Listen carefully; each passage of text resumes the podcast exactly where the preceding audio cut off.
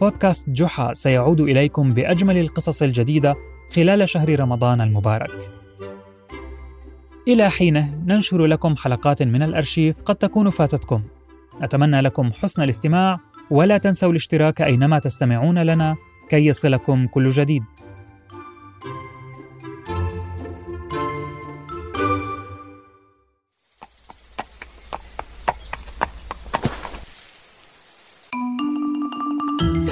أنا سأحدثكم عن قصص جحا. لا لا تسرحت يا شلهوب. أحتاج لأن أجمع أفكاري. أنا شلهوب. شلهوب حمار جحا. أتعرفون جحا؟ هو حكيم الحمقى وأحمق الحكماء قصصه لا تخلو من الذكاء والحكمة. وفي بعض الأحيان من الحماقة. فاستمعوا إلي أنا لأروي لكم الحديث المحبوب عن جحا والحر هارون. في يوم من الأيام أراد مرجان صديق جحا التاجر الذي جاب أنحاء العالم السفر في تجارة خارج المدينة فجاء إلى منزل جحا. سأخرج يا صديقي جحا في تجارة إلى منطقة ما وراء الجبال. يا لها من مغامرة مثيرة. إن قصدتني لمرافقتك يا صديقي فاعذرني لأني وعدت عائلتي بأن أخرج معهم في رحلة إلى الشاطئ نهاية هذا الأسبوع. بل قصدتك لإيداع هر العزيز هارون في عهدتك فأنا لا عائلة لدي هنا كما تعرف ولا أحد عندي أأتمنه سواك. انقبض قلبي لوهلة. وشعرت أن هناك أمرا سيزعجني على وشك أن يحدث. وقلوب الحمير لا تكذب. فنهقت تلقائيا للتعبير عن امتعاضي لكن جحا كان له رأي آخر. بالطبع يا صديقي. واعتبر هرك في منزله ومكانه. ماذا؟ في منزله؟ يبدو أن ما تنبأت به سيحدث. ويبدو أن هذا الهر سيجلب لي المتاعب خرج مرجان لإحضار هره فدخل وبيده صندوق منقوش وأعطاه لجحا ثم انصرف. أخذ جحا الصندوق إلى غرفة المعيشة حيث كانت كريمة وأدهم يلعبان لعبة شرطي حرامي خرج من الصندوق هر أبيض بوبر كثيف ناعم فتوقف كل من أدهم وكريم عن الحركة في دهشة. يا إلهي ما أجمله هذا أجمل كائن أراه في حياتي. وماذا عني يا هؤلاء؟ يبدو لطيفا وناعما. أنسيتموني بهذه السرعة؟ لا بأس. سأتغاضى عن هذا التعليق غير اللائق. فلا بد أنكم تجاملون الهر الضيف ولا تعنون ما تقولون. ها أخذ الهر المكتنز يتجول في أرجاء غرفة المعيشة بأريحية. وكأن المنزل منزله حقا. وبدلا من أن يوبخ كما يفعل جحا باي إن فكرت في الدخول إلى غرفة المعيشة أخذ يمشي على السجادة العجمية كما شاء. وفوق هذا كله قالت كريمة أشعر أن الهر خجول ضجر. ربما ضجر من المنزل. فهل نأخذه في جولة يا أبي؟ لكنه قط منزل وليس معتادا على السير في طرقاتنا الوعرة. لا بأس يا كريمة فلنركبه على ظهر شلهوب ماذا؟ يا ويحك يا شلهوب.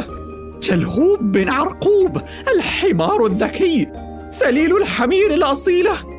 يصبح السائق الشخصي للهر هارون؟ يا فضيحتي بين الحمير. وضع جحا الهر على السرج ومشيا هو وأدهم إلى جانبي. وأخذا يدندنان ويغنيان ويصفقان للهر الذي نفش وبره وأخذ يترنح في مكانه طربا وقف جحا على جانب الطريق فتجمهر بعض الصبية حول الهر. ما أجمل هرك يا أدهم. هل لي أن ألمسه؟ وأنا أيضا يا عم جحا. وقفنا ساعة في استقبال معجبي الهر الذين كانوا يقفون في سابق الأيام بالطوابير لرؤية شلهوب الحمار القوي العبقري. آه لكن القشة التي قصمت ظهر البعير لم تكن هنا بل وقت العشاء حين عدنا إلى المنزل. لقد عدنا يا أمي كيف كانت نزهة هارون في ربوع المدينة؟ ظنه الناس هرنا وهناك من عرض علينا شراءه ربما عليك أن تفكر في شرائه من صديقك مرجان أولاً أنا جائع يا أمي فماذا سنأكل؟ لقد حضرت لكم الأرز مع البطاطس وحضرت هذا السمك خصيصا لضيفنا الصغير لكم أن تتخيلوا مدى غيظي من هذه المعاملة الخاصة التي كان الهر يتلقاها وكيف انكب على الصحن يأكل بنهم بينما يصيح أدهم ما رأيك أن تطلب من العم مرجان أن يبقيه عندنا شهرين آخرين يا أبي؟ إن شئتم ذلك لم لا؟ ماذا؟ سيعيش معنا هذا الهر لأشهر؟ واللعب والطعام والمديح كله سيذهب إلى كتلة الفراء هذه؟ شعرت بالغبن. وحين رأيت العائلة تجتمع حول المائدة من وراء النافذة وقريبا منهم جلس الهر هارون يأكل من طبق مخصص له سعيدا. عرفت أن لا مكان لي في هذا المنزل بعد اليوم.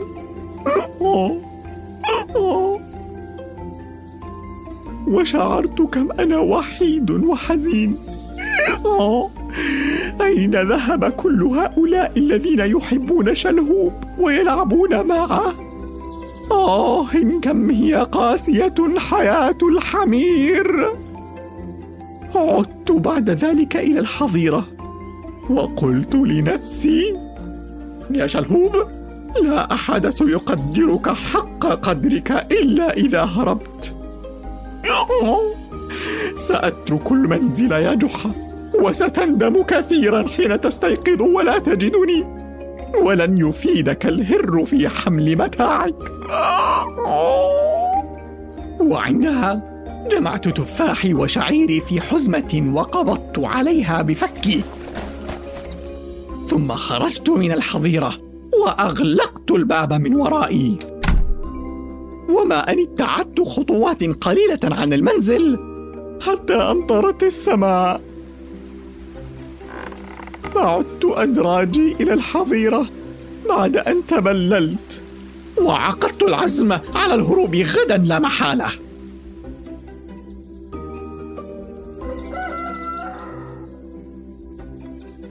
وفي الصباح الباكر استيقظ جحا بهمة ونشاط وحماسة وجلس يلاطف الهر اللعين ويدلله ويدندن له بينما وقفت كريمة تعد طعام الإفطار لجحا وأدهم وللضيف ثقيل الظل الهر هارون.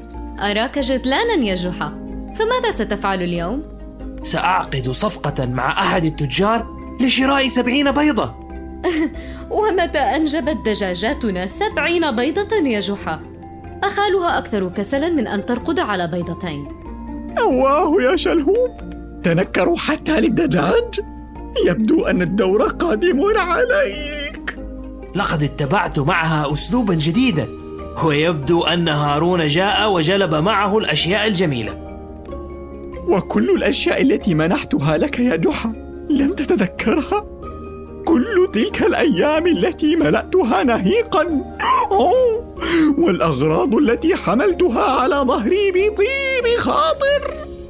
لا بأس سأهرب الليلة. وستندم هذا طبعا ما ظننته حتى جاء جحا لإيقاظي في الحظيرة. صباح الخير يا حماري العزيز. استيقظ يا شلهوب. فاليوم لدينا مهمة مثيرة للحماس. كنت مستغرقا في النوم وحين أيقظني جحا شعرت بدوار شديد وبجفاف في حلقي ووهن في عظامي. فرأيت عينيه تتفحصانني؟ شلهوب؟ شلهوب ما دهاك يا صديقي؟ نهقت قليلا في محاولة لإخبار جحا. أني لا أعرف ما حل بي لكني سرعان ما دخلت في نوبة عطاس. لأدرك أني أصبت بالحمى. الحمى! الله يا لتعاستي يا إلهي يبدو أنك مريض يا شلهوب. فلتسترح يا صديقي لا بأس. ثم خرج جحا حاملا سلة البيض بنفسه إلى السوق. ولكم شعرت بالحزن لعجزي عن مساعدته كعادتي. وفي غياب جحا زارني أدهم في الحظيرة وأخذ يتفقدني ويضع يده على رأسي ثم احتضنني بشدة.